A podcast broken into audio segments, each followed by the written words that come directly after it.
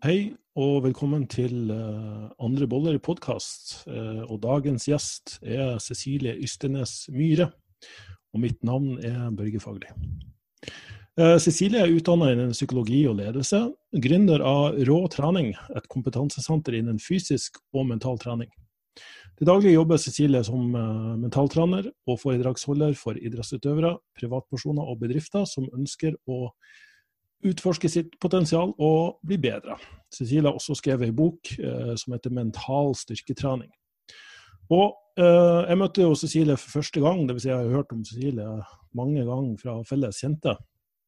Kun positivt. Eh, og ble også veldig imponert over det foredraget hun holdt på helsekonferansen, som eh, vi begge holdt et eh, foredrag på. Jeg syns det var veldig interessant den vinklinga hun hadde på mentaltrening, og hadde mange gode eh, poenger som eh, det var åpenbart at publikum eh, tok til seg. Så Derfor hadde jeg lyst til å ta en prat med deg i dag. og det her var jo som sagt like før denne koronaepidemien slo ut i full blomst. og Som jeg forstår det, har du hatt ganske mye å gjøre gjennom denne perioden? Ja, jeg har det. Og kjenner på en veldig stor takknemlighet uh, knytta til det. Uh, det er mange som uh, ikke får muligheten til å bidra med å ta beslutninger og, og påvirke andre mennesker og seg selv på samme måte. Så eh, det har vært krevende, men også veldig meningsfullt. Mm. Hva er, er, det noe sånn tema som går igjen? Altså, det har jo vært ulike utfordringer både i forhold til hjemmekontor og bedrifter som har blitt lagt ned, og eh, har, har du noe sånn overordna tema som, som, går igjen hos folk? Ja, det er, eh, det er ulike kategorier. Eh, men blant ledere og beslutningstagere så, så går det jo helt klart på det å istandsette de til å ta raske, gode beslutninger med kaldt hode. Eh, når det er et territorium ingen har vært borti før. Mm. Eh, så, så det, det, handler, det, handler, jo veldig mye om det. Eh, for andre som kanskje er litt mer ferskere i arbeidslivet, så har det vært eh, eh, en del det med å hjelpe de å ta kontroll på bekymringer, mm. eh, uro og, og stress. Uh, og så har du den delen som syns at det kan være veldig utfordrende å ha gode rutiner uh, og, og, få strukturert seg og vært like effektiv som vanlig. Uh, og så har du også de som nå ikke vet hva de skal gjøre, de står kanskje uten jobb. Mm. Og hva skal jeg gjøre med livet mitt? Ja. Så alt fra store eksistensielle spørsmål til rett og slett best under press. Ja, ja ikke sant. Ja. Mm. Ja, og så har du kanskje de også som Det vi møter på, er jo de som uh, sliter med å opprettholde gode vaner på mat og trening, og jeg har jo sjøl merka på det. Den dørstokkmila som tidligere var ganske heftig for å komme seg på gymmet innimellom, eh, den er nesten enda verre når man skal trene hjemme. Og switche over fra hjemmekontor til trening. Så hva, Hvordan ser det ut hos deg? jeg syns det der har gått veldig i perioder. Jeg syns det startet faktisk ganske bra, fordi eh, jeg sparte så mye tid på å ikke måtte eh, reise og bruke transport, så jeg fikk så mye mer tid. Så da kjente jeg liksom at nei, nå skal jeg jammen trene. Og så har jeg jo kjent at det har blitt veldig mange timer i døgnet med jobb, og da, da har den dørstokkmila, selv om man er rett i stua, vært veldig høy. Så, så jeg må innrømme at jeg har uh, fått enda mer hjelp av uh, eksperter nå i den perioden her, altså for å både ha jeg fått spist nok eh, og trent eh, balansert opp mot kall det stresset og presset jeg har i hverdagen. Eh, for det er jo virkelig en balansegang. Eh, det der, der. Når trene hardt, når kan, bør jeg faktisk hvile i stedet for å trene osv. Så, videre. ja. så der har ikke jeg stolt på meg selv, der har jeg delegert. ja, er interessant det med 'practice what you preach'. Jeg er jo liksom coach og skal jo kan det her uh, ja. ut og inn. Men jeg har mine utfordringer, jeg også. Så jeg regner med at du og Hvordan, hvordan håndterer du stress da, som mentaltrener? Er du ja. 'practice what you preach', eller må du ta det litt sånn adhoc? Nei, jeg, jeg, identifiserer meg faktisk best under press. Jeg gjør det. Jeg, jeg, jeg Ja, jeg gjør det. Eh, samtidig så er det liksom Nå er det jo eh, ett år siden jeg eh, fødte og fikk eh, min første datter. Sånn at eh, jeg har på en måte en litt sånn ny kropp eh, å forholde meg til eh, i ulike faser.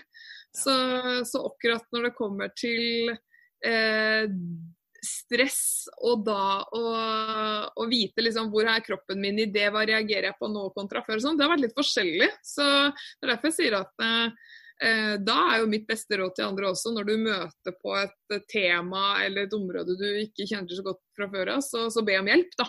Mm. Så, så, jeg ber om hjelp eh, veldig mye eh, til ting jeg ser jeg ikke har kapasitet eller kompetanse på. Og så, og så er jo det viktigste nå, det er, eh, er, jo også å få raw trening gjennom den fasen her. Mm. Sånn at eh, det at det er en del stress nå, det aksepterer jeg. Det nå må det jobbes. Ja. Mm. ja det virker som et um, veldig sentralt i det her å, å, å, hjelpe mennesker med å håndtere stress, er å lære dem å skille mellom hva de kan kontrollere sjøl, og hva som er utenfor deres kontroll. Ja. Uh, men hvordan vil du si at du uh, altså Hvis det kommer en, en, kunde til deg nå da, og, og, trenger litt hjelp med å si at uh, hverdagen nå er litt tøff og utfordrende. Hvordan legger du opp løpet? Altså, hvordan, hvordan jobber du? Ja, Det kommer jo selvfølgelig veldig an på utgangspunkt, hvor mye tid jeg har tilstrekkelig osv. Uh, men nå hadde jeg rett før jeg møtte deg nå, så hadde jeg jo en sesjon bare på 50 minutter. Og jeg visste at det, det er det jeg har med, med den kunden nå, eh, på veldig lang tid. Og da da er det jo først å screene hva, hva er de største stresstriggerne, eh, og hva handler det egentlig om. Og så må jeg skreddersy verktøyene opp. Måte. Og da handler det jo veldig mye om å for det første identifisere litt sånn hvem vil jeg være nå?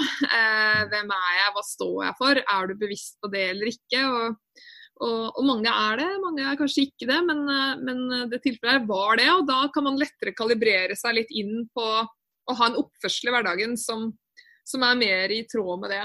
Eh, og så var det så enkelt som at vi satte opp hva er resultatmålet ditt nå denne uka her. Eh, det er jo utenfor din kontroll. Eh, men, eh, men, skriv nå da ned tre oppgaver som er innenfor din kontroll, eh, og som skal lede deg til det målet.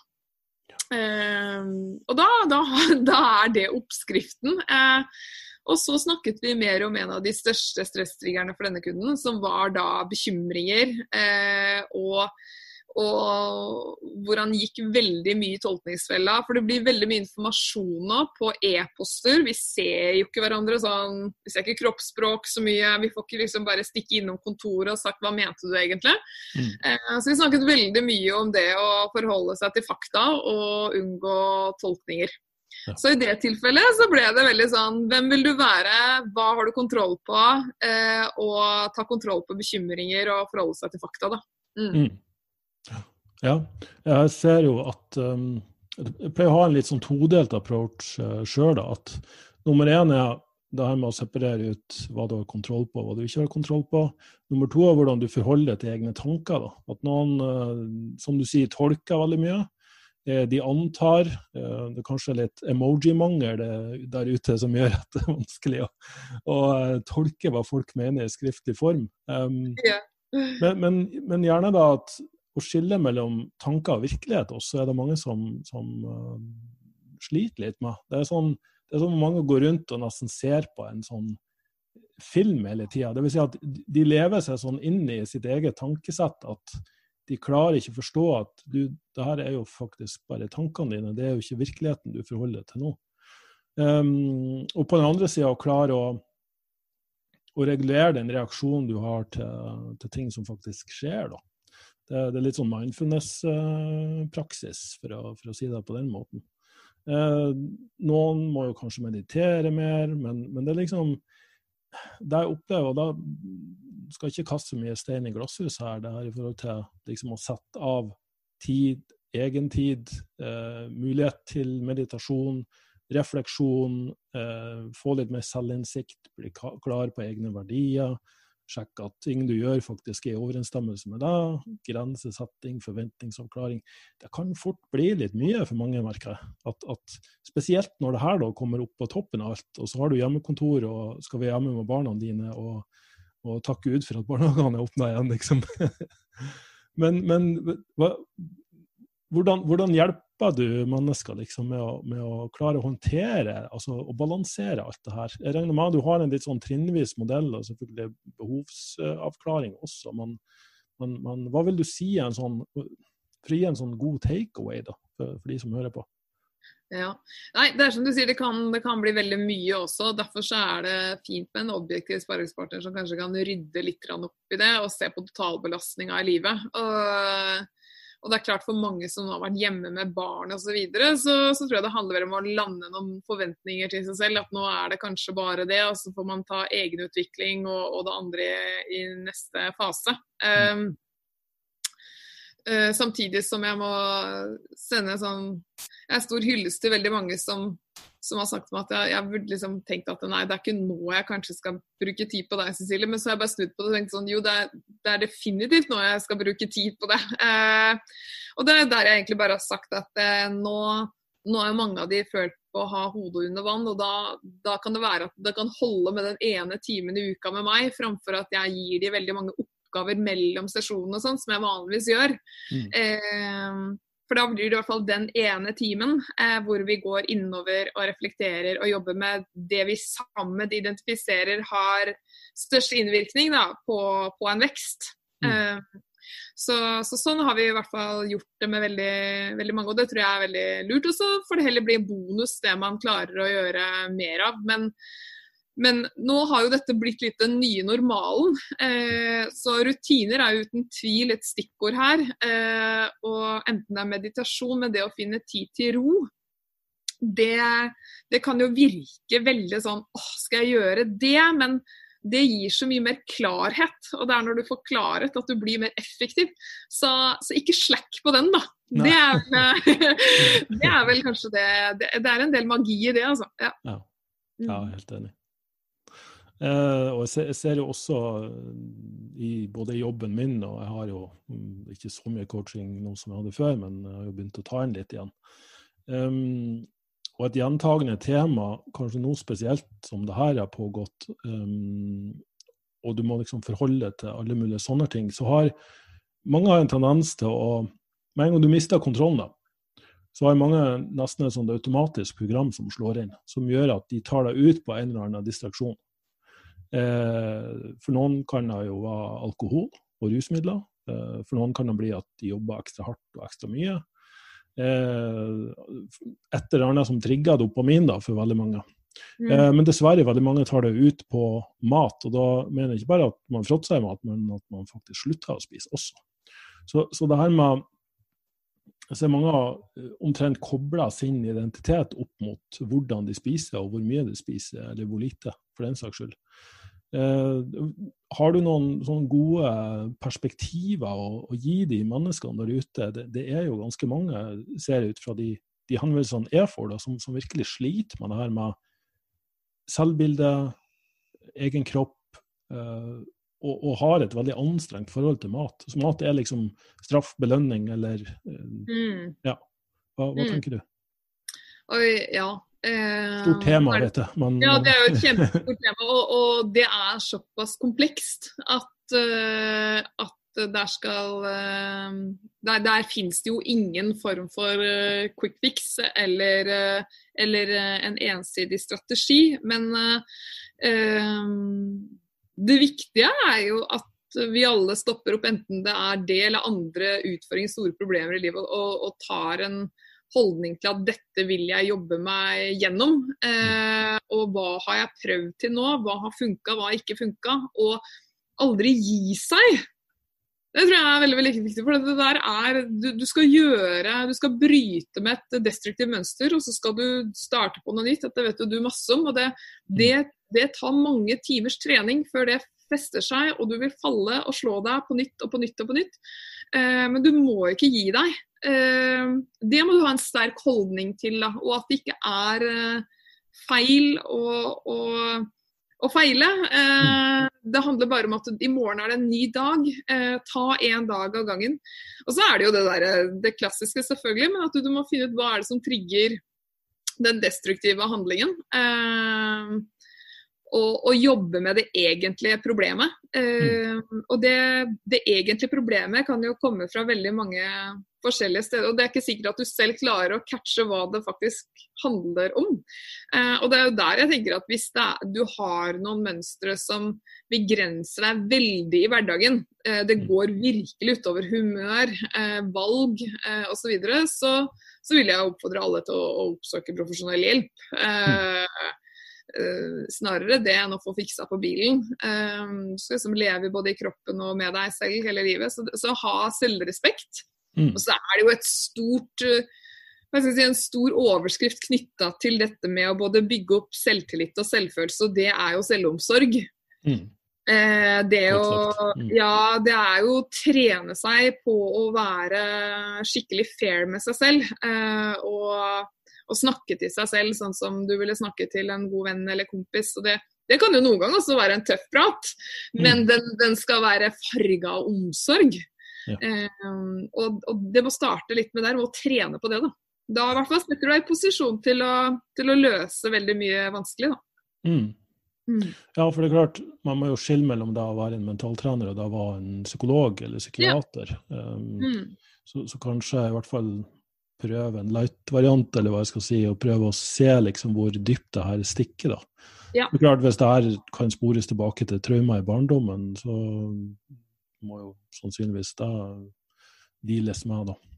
Ja, men, så er, men, det jo, ja. så er det jo så forskjell på eh, hva skal jeg si, eh, måter å jobbe med seg selv på. Eh, vi jobber jo veldig mye med ulike typer psykologiske tilnærminger, fordi vi ser at det, eh, det er ikke én retning som passer alle. Så man må sånn plukke fra de ulike retningene. Eh, og det er det jeg tenker at Har du prøvd en, enten en coach eller en mentaltrener eller psykolog for den saks skyld, som har hatt én form for tilnærming, og så har ikke det passet deg, så mm. ikke gi deg på å prøve andre tilnærminger. Sånn er det jo i treningsverdenen også. Noen funker på lavkarbo, andre funker sikkert bedre på høykarbo. Og da, så, sånn er det litt med det mentale også. Eh, så, så, det er jo noen jeg også kjenner at her, her, har nok ikke min tilnærming passer kanskje ikke best her. Kanskje skal du teste en annen approach. Mm. Så det er litt det jeg tenker eh, er det. Men, men gjør noe med det. Eh, og ikke gi deg, men ikke forvente at det svaret kanskje ligger rundt neste sving. Det er der jeg tror mange gir opp litt, og så er man bare i samme sulamitten. Og det der å få oppfølging Eh, det har jeg veldig tro på. Enten fra en god venn eller en mentor eller en fagperson eller hva det er. Altså. Det, mm. det er enklere når man, når man, er sammen om noe. Ja. Ja. Mm. ja. og det der med å innse at det faktisk handler om jobb, eh, innsats og utvikling. Eh, litt den metaforen med å, og, lære seg å nyte reisen og ikke tenke på målet hele tida. For mange ja. opplever kanskje er så målorientert at de glemmer helt at ja, du skal jo ha det bra hver eneste dag. Det skal ikke være noe langt der framme som er det liksom ultimate. Når du, er, når du, er, kommet dit, da er livet perfekt og i harmoni og balanse, liksom. Du må ja. prøve å gjøre det beste du kan på veien frem til du eventuelt da kommer dit. Ja. Mange, mange, opplever jo også å sette seg mål, mål og jobbe hardt for de, og egentlig bare slite og ha det vondt. Og så når de først kommer dit at de har oppnådd målene, så blir det en sånn antiklimaks. At ja. det her smakte ikke så godt som, som, jeg hadde trodd, hva gjør jeg nå, liksom? Da ja. oppstår et sånt vakuum. Hva, hva, hva skjer nå? Ja. Nei, det, det, er utro... Altså, sånn som jeg sa, det er jo mange måter å finne en selvomsorg for som vil være med på å la disse sårene gro, eller den destruktive atferden svinne mer og mer. Men, men det er klart, f.eks. da er du fortsatt i en dårlig relasjon, mm. så vil det ha veldig liten effekt. Så eh, vi vet jo at eh, er det én ting som har en ekstremt stor innvirkning på vårt eget selvbilde, eh, så er det relasjoner. Mm. Eh, så, så, tenk litt på hvilke rom og folk eh, er du i til enhver tid? Eh, og hvilke følelser gir, deg, gir de deg, da? Så, mm. så, henger du kun på Instagram og følger kun sånne og sånne profiler, eh, eller du har en vennegjeng som du syns eh, kun eh, disser all fremgang du får, så, så, så da, da, da, må du ta noen valg. Og det, det å være litt kompromissløs rundt de valgene, det er jo som å rive av plasteret i starten. men mm men det er jo da du først uh, vil kjenne på en stor, uh, stor endring, da. Ja, den største, største, veksten, ja, største veksten kommer vel som oftest når det er mest vondt. ja, det gjør det. Men jeg, jeg ser at men, veldig mange har utfordringer med å bryte ut av uh, relasjoner eller miljøer da, uh, som, som, ikke er bra for en. Og, og spesielt i, i, treningsbransjen eller det er fitnessbransjen osv., så, videre, så så kan jo det være at det blir et veldig ensidig bilde på kropp, da, f.eks. Og da, da, er det klart at det, skal du prøve å trene deg på noe og tenke på noe annet, så er ikke det så lett for hjernen. Hvis du kun, kun er der i en mm. fase der du har litt utfordringer med det. Så det betyr ikke at du ikke skal være i de miljøene som trigger de tankene, men kanskje skal du ta en pause akkurat i de fasene hvor du må jobbe deg gjennom eh, noe selv, da. Mm. Ja. ja. ja. det er veldig, veldig gode eh, tips der. Likt mye av det jeg må ta av samtaler med, av de jeg, jobber med. Så det er like barn leker best eh, og alt det der. Det er gjerne sånn at du hvis, hvis, du har uh, forskjellige utfordringer og problemer som, som er stadig vekk popper opp igjen og igjen, og nesten uavhengig av hvor mye du jobber med, da. så akkurat det der du sier med å prøve å se hva du speiler deg i, da. Mm. Hvem har du rundt deg, hvilke holdninger har de? Eh, hvilket miljø befinner du deg i. Det er jo så enkelt som at hvis du skal slutte å spise godteri, så kan det være lurt å få godteri ut av huset, og ikke liksom ja. ha, ha deg rundt deg hele tida. Eller ha ja. personer rundt deg som spiser deg hele tida, liksom gjør det unødvendig vanskelig for deg sjøl. Ja, det, er, eh, det, er, det, tar så mye krefter da, eh, å ta nye beslutninger som vi ikke har tatt før, eller trene oss på en atferd som er ny for oss. At eh, det å rett og slett ta seg ut av situasjonen kan eh, gi deg litt overskudd for å tåle det når den kommer. Mm. Helt mm. enig. Mm. Ja. Og så snakka du jo om det her med å, å, få gode vaner. og Da går det ut ifra at du snakker både om de rent sånn fysiske vanene med liksom å stå opp og kle på seg og knytte skolissen, men kanskje også noen mentale vaner. Hva, hva tenker du der? Oi, det var et veldig godt spørsmål. Eh, nei, hvilke gode mentale vaner? Jeg, jeg, det her blir jo kanskje veldig eksistensielt, og det er store spørsmål hvor svarene ikke ramler ned i fanget på en. Men eh, den beste mentale vanen du kan ha, det er jo å leve i tråd med verdiene dine, mener jeg, da. Eh, det er der du finner svaret på, på mye ro uh, og lykke, i, også i, i, røffe perioder. Det, det syns jeg i hvert fall selv. og synes jeg Altså, jeg syns eksistensiell psykologi eh, gir veldig mye. Og jeg ser jo Det er jo veldig mye brukt eh, F.eks. i engelsk Premier League så bruker jo veldig mange psykologer eksistensiell psykologi for å få idrettsutøvere til å eh, si, maksimere sitt fysiske potensial. Eh, og jeg, jeg syns det harmonerer veldig, veldig godt når vi lever i tråd med, med hva vi står for. Så, så, navigerer vi oss mye enklere i litt uh, kjipt farvann. da. Eh, så det, det, er kanskje det viktigste. Eh, mm. Og så tror jeg jo veldig på det å det er absolutt ikke usunt å jobbe mye. Og, og, så lenge du jobber med noe du syns er eh, fint. Det tror jeg ikke vi skal være så redd for i Norge, som jeg synes kanskje noen kan være litt redd for. Um, men du skal jobbe med noe du syns er spennende og, og utviklende. Og, og, ikke minst huske på å lære hele tiden, sånn at du balanserer stress opp mot hvile. Da. Eh, du skal vare over tid. Mm. Hvordan finner man egentlig sine verdier, da? ja, et godt spørsmål.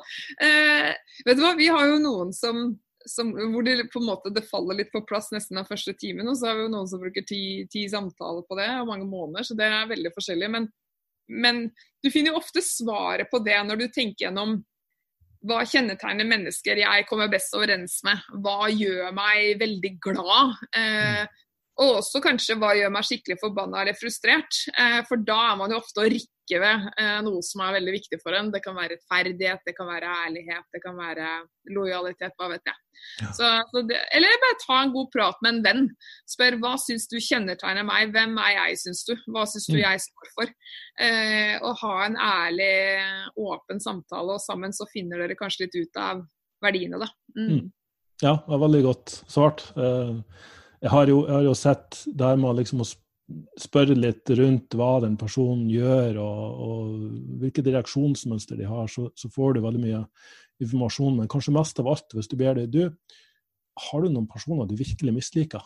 Eller eventuelt har du noen nære personer, så hvis de gjør noe bestemt, hva, så, som du virkelig bare kjenner 'Å, fy fader, det her er sliter i hvert fiber i kroppen min uh, av Mm. sinne, liksom. Mm. Og så får du til å skrive deg ned i stikkordsform, og så OK, hva er det motsatte av det her? Hva, hva er din sånn mm, eh, subjektiv oppfatning av den motsatte egenskapen av det her? Og Ja. så har du faktisk eh, noen veldig fine stikkord på hva kjerneverdiene til den personen er. Ja. Det er som regel sånn når noen krysser deg som du står for, så blir du mest provosert. Ja. Og veldig gjerne da også hvis at du går rundt og gjør en del ting, kanskje av eh, enten at det er ubevisst, eller at eh, noen krever og forventer da, at du gjør de her tingene da, som du bare har masse motstand i det på. Så skjønner du ikke hvorfor, fordi du liksom følger, gjør alle triksene i boka for å klare å fullføre og gjennomføre de prosjektene. Så er det jo veldig ofte fordi det krysser dine, dine kjerneverdier. Det, det, det stritter mot et sted. Ja, Det gjør det. Det gjør det. Og det er jo da du Jeg tenker jo at vi kan ikke beskytte oss selv mot eh, mennesker som utfordrer eh, verdiene våre. Det tror jeg vi har litt godt av, men, men det, er, det, er, noe med det å vite hvorfor skjer det. Det er veldig trygghet. Aha, det, det er på grunn av eh, f.eks. at jeg er veldig opptatt av ærlighet. Det er derfor jeg nå kjenner at dette blir feil for meg når noen ikke snakker helt sant. Det er trygghet bare å vite hvorfor man kjenner på den uroen. Eh, Mm. Men når det kommer til de nære relasjonene, eh, folk du skal henge mye med, så, så er jeg selv veldig, helt kompromissløs på det. Eh, Mm. For det, det handler om hvilken kultur du ønsker å skape i og rundt deg selv. Eh, og, og det er jo ingenting som tar av mer stress eh, enn gode relasjoner og masse støtte. Så folk der ute, dere ta, ta valg der. Ja. Det er veldig godt sagt. Og det der med å, å, å tørre å ta de samtalene og, og stå i det svaret du får. Ja, Den, den ser jeg mange er sliter med. Nei, altså jeg tenker Målet er ikke at man skal være enig, men målet må i hvert fall være å vite hvor man har hverandre. Mm. Eh, og det, det snakker jeg mye om eh, her i Bo også, enten vi får nyansatte eller jeg som leder kanskje har noen andre meninger andre. At det, det, vi vil komme i perioder og situasjoner der verdiene kan krysse.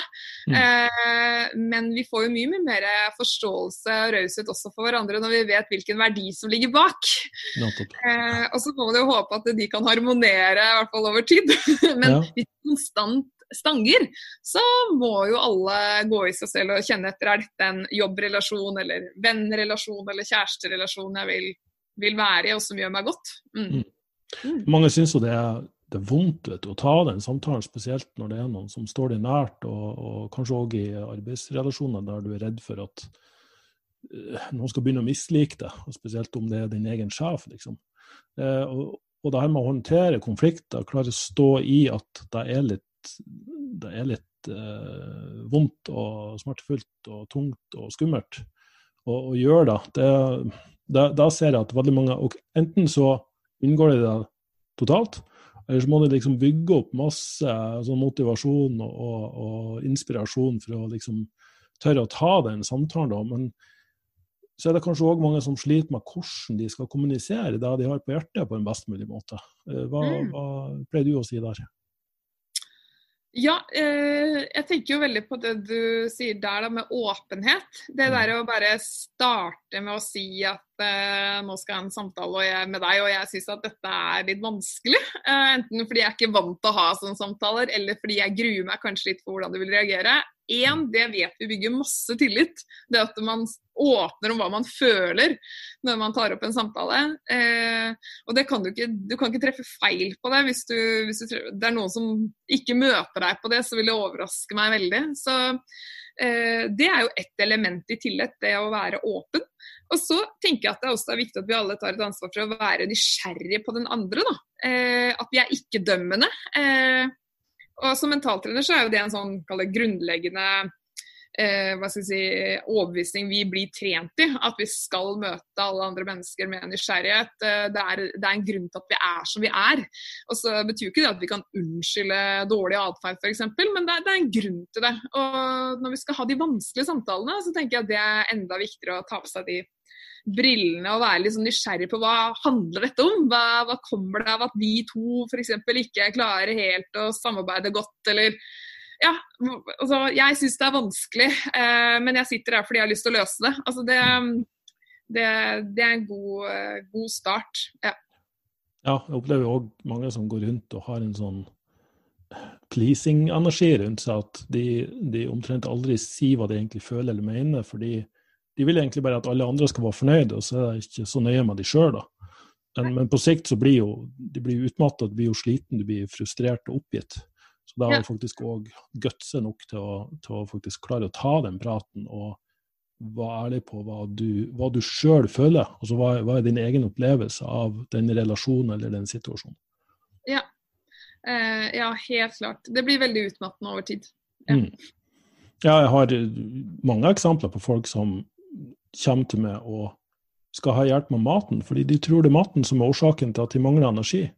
Mm. Og så, Jo mer du snakker med en person, så blir det bare så åpenbart at her er noen som bare eh, er sånn værhane. altså De lar seg styre av alt og alle. De setter ingen grenser for noen personer i livet sitt. Nei. Og går kanskje rundt og, og skal ta vare på alle andre hele tida. Det er sånn, ja, men jeg vet ikke om jeg kan eh, spise lunsj da, fordi det forventes at jeg må sitte og jobbe da. Altså, skjønner du? Det er veldig mye ja. sånn ja, men, ja, men, ja, men. Det kan jeg ikke gjøre fordi noen andre forventer et eller annet av meg. Så, mm. og den ser jeg veldig ofte. Er sånn ja, men det er jo ikke maten som er ditt problem. Det er jo mm. manglende grensesetting og, og kommunikasjonssvikt eh, i alle relasjoner rundt det. Og at ikke du tør å ta plass i, i verden, liksom. Det, mm. det, det, er kanskje der vi må se først. Ja, og jeg er veldig glad for at du sier det, da, for da har man jo kommet litt mer inn i det underliggende problemet. Og det er jo det som kan også være enklere som en litt objektiv person. da, eh, Å analysere seg frem til. For vi går jo og suller oss inn i eh, inn i hverdagen. Og det er ikke alltid alle skaper seg tid til å selvreflektere og, og tenke på selvledelse som noe de skal forholde seg til. Eh, så, så når man først får en sånn feedback, så tenker jeg det er en gavepakke som man skal uh, utforske litt. da. Ja. Mm, Se på det som en utfordring, tenker jeg. Mm, ja. Livet er jo en mulighet for å lære og, og, vokse. Det er ikke noe sånn at du kommer til ferdig dekka bord, tenker jeg. Jeg tror det er noen som har den oppfatninga. ja, det er det helt sikkert. Det er det helt sikkert. Ja. Mm. Eh, veldig interessant. Um, men sånn, Vi har jo snakka litt om de mentale, men, men, har du en sånn smørbrødliste med de rent sånn praktiske altså Hvordan kan man få en bedre hverdag på en enkel måte, bare ved noen sånne gode Når du, når du snakker om vaner til, til, folk, hva er det du først og fremst eh, poengterer da? Eh, nei, først så tenker jeg alltid som kartlegge. Eh, hvilke vaner har du i dag? Eh, hvorfor har du de? Spiller de deg god opp mot hva som er målet ditt. Og da kan vi faktisk også allerede der kartlegge at mange ikke har kanskje et klart mål, eller de har et mål de selv ikke eier eller har eierskap til eller finner mening i. Så da, da må man kanskje begynne allerede der. Mm. Eh, og så handler det jo da om å vite når vi vet hva personen vil fram til, at vi ser mer på vanene som underbygger det. Eh, og, så, og så er det jo treningen på de nye vanene. Eh, og så er det justeringer og evalueringer underveis. Og det jeg i hvert fall ser gjennom min erfaring, er at veldig mange som har gamle vaner eh, opp mot gamle mål. Mm. Ja, det er jo veldig normalt. Ja. men, eh, men, vi kan jo så mye mer nå eh, enn vi bare kunne for fem-ti år siden eh, innen veldig mange temaer. Så det er klart at eh, det å søke litt ny kunnskap og, og se ja, må jeg ta alle de vitaminpillene, eller kan jeg finne det gjennom god mat eller kosttilskudd? Mm. altså alle de tingene. Det, søk litt kunnskap. Du er jo en kunnskapsbank selv, så jeg skjønner at mange spør deg. For det, det handler litt om å, å, vite kan jeg gå litt utenfor boksen, eller skal jeg som gjøre det jeg har gjort i 20 år nå? eller hva? Mm. Det funker jo ikke helt for meg lenger. Så, og vi endrer oss jo.